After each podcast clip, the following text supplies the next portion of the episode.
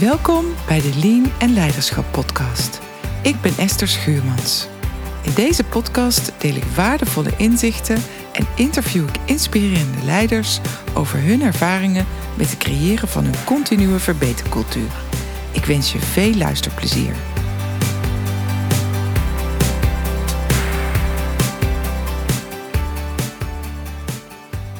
Verbeteren op gevoel of op basis van feiten? Welke data is beschikbaar in je organisatie?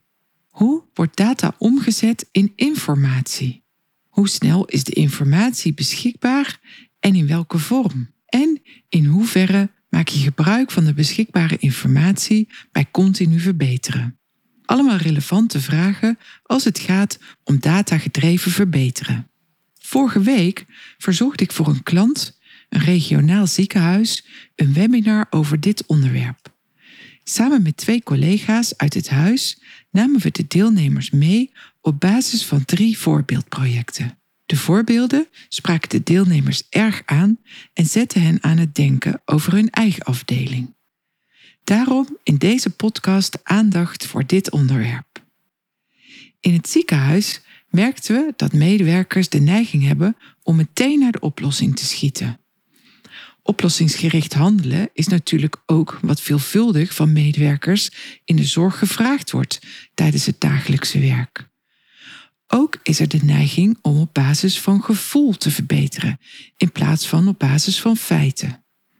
Zo werd in een van de projecten uitgesproken dat de fysio te laat zou zijn voor behandeling na een operatie met als effect een langere lichtduur. Het projectteam dacht al aan oplossingen hiervoor. Een analyse van de data uit Higgs, het ICT-zorgsysteem, gaf inzicht in de feitelijke doorlooptijd van operatie tot behandeling door de fysio. Hieruit bleek dat dit helemaal geen knelpunt was, een mooie les om gevoel te onderbouwen met feiten alvorens naar de oplossing te schieten. Een van de verbeterprojecten betreft het verkorten van de doorlooptijd van verwijzing tot aan OK voor een bepaalde groep patiënten. Het projectteam kon zelf enkel oude data aanleveren en wilde op basis van deze data verbeteren. Het risico hiervan is dat de verkeerde conclusie getrokken wordt en maatregelen gekozen worden die niet bijdragen aan de doelstelling. De data bleek inderdaad onbruikbaar omdat de werkwijze ondertussen was veranderd. Er is hulp gevraagd van de stafafdeling Control, die een analyse kon maken van de doorlooptijden op basis van registraties in Higgs. Dit gaf betrouwbare data zonder dat er extra metingen nodig waren. De data uit Higgs is in informatie omgezet door Control in de vorm van een Excel-bestand.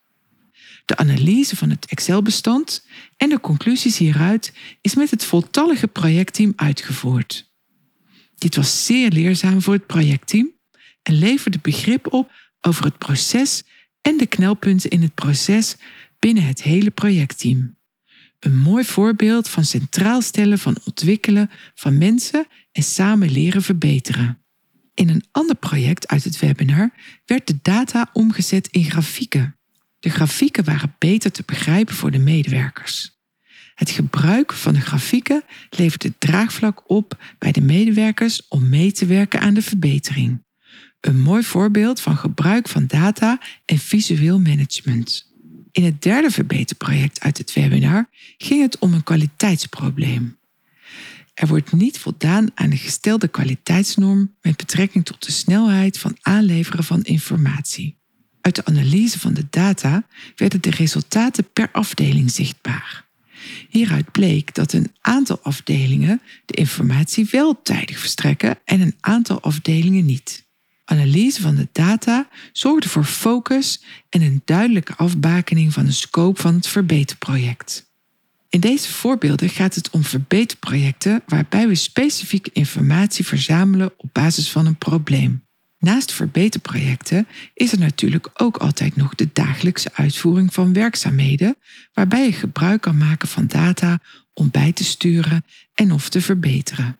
De snelheid waarmee informatie beschikbaar is over prestaties en de toegankelijkheid van deze informatie zijn van invloed op de mogelijkheid om bij te sturen. Een ander belangrijk criterium is de mate van invloed van het team op het resultaat. Veelal maken we gebruik van verbeterborden en een daily stand-up om de informatie te delen en te bespreken. Geleerde lessen. Ten eerste, er is veel informatie te halen uit systemen. Kijk hoe je gebruik kan maken van de data uit bestaande systemen in je organisatie. Ten tweede, check de betrouwbaarheid van de data die je wilt gebruiken. En ten derde, tijd maken voor analyse van informatie is zeer waardevol. Het draagt bij aan het ontwikkelen van de mensen en samen leren verbeteren. Nog een paar voordelen van datagedreven verbeteren. 1. Feiten geven duidelijkheid en draagvlak zonder onnodige discussie. 2. Data is om te zetten in visuele informatie die makkelijk te begrijpen is. 3. Op basis van data zijn heldere, meetbare doelen te formuleren. 4. Gebruik van data en meetbare doelen maakt de nameting van het resultaat mogelijk. En 5. Successen kan je vieren op basis van aantoonbare resultaten.